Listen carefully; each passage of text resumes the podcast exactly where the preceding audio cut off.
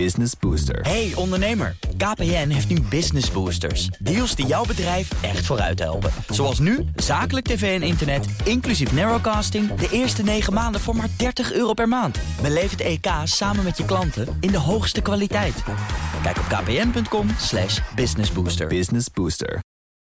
De column van Marianne Zwagerman.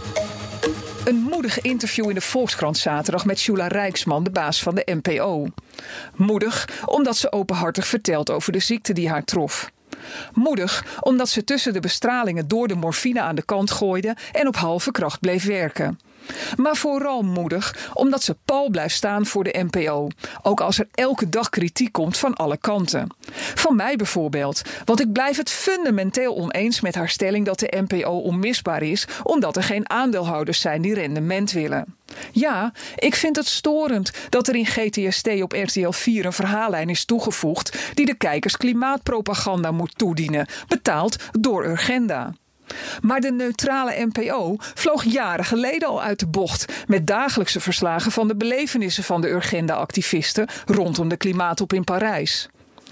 Shula raakte tijdens haar ziekte nog meer overtuigd van de noodzaak met haar publieke omroep te vechten voor het vrije woord.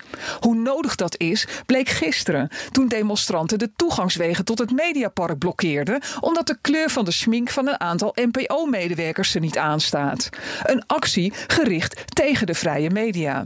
Je kunt alleen maar vertrouwen op onze rechtsstaat, waarin dit soort blokkades die inbreuk maken op de fundamentele vrijheden van Nederlanders gelukkig stevig wordt aangepakt.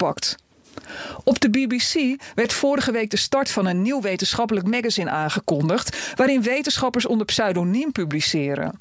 Want de angst om dat onder eigen naam te doen is tegenwoordig te groot, waardoor zelfcensuur aan de orde van de dag is bij thema's die gevoelig liggen. Gelukkig is er geen enorm NPO-budget meer nodig om vrije geluiden gepubliceerd te krijgen.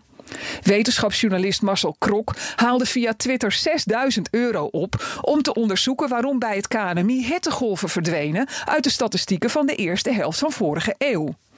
En de Nederlandse filmmaker Marijn Poels verkocht zijn documentaire The Uncertainty Has Settled over de energietransitie 55.000 keer via Vimeo. Genoeg om zijn investering terug te verdienen en de film nu gratis op YouTube te zetten. De NPO wilde de docu met een boodschap die nogal haak staat op Urgenda-verhaallijnen niet uitzenden. Jammer, want de belastingbetaler heeft recht op informatie van alle kanten. Marijn maakte daar weer een nieuwe film over, Paradogma. Het zou moedig zijn als Jula die wel programmeert.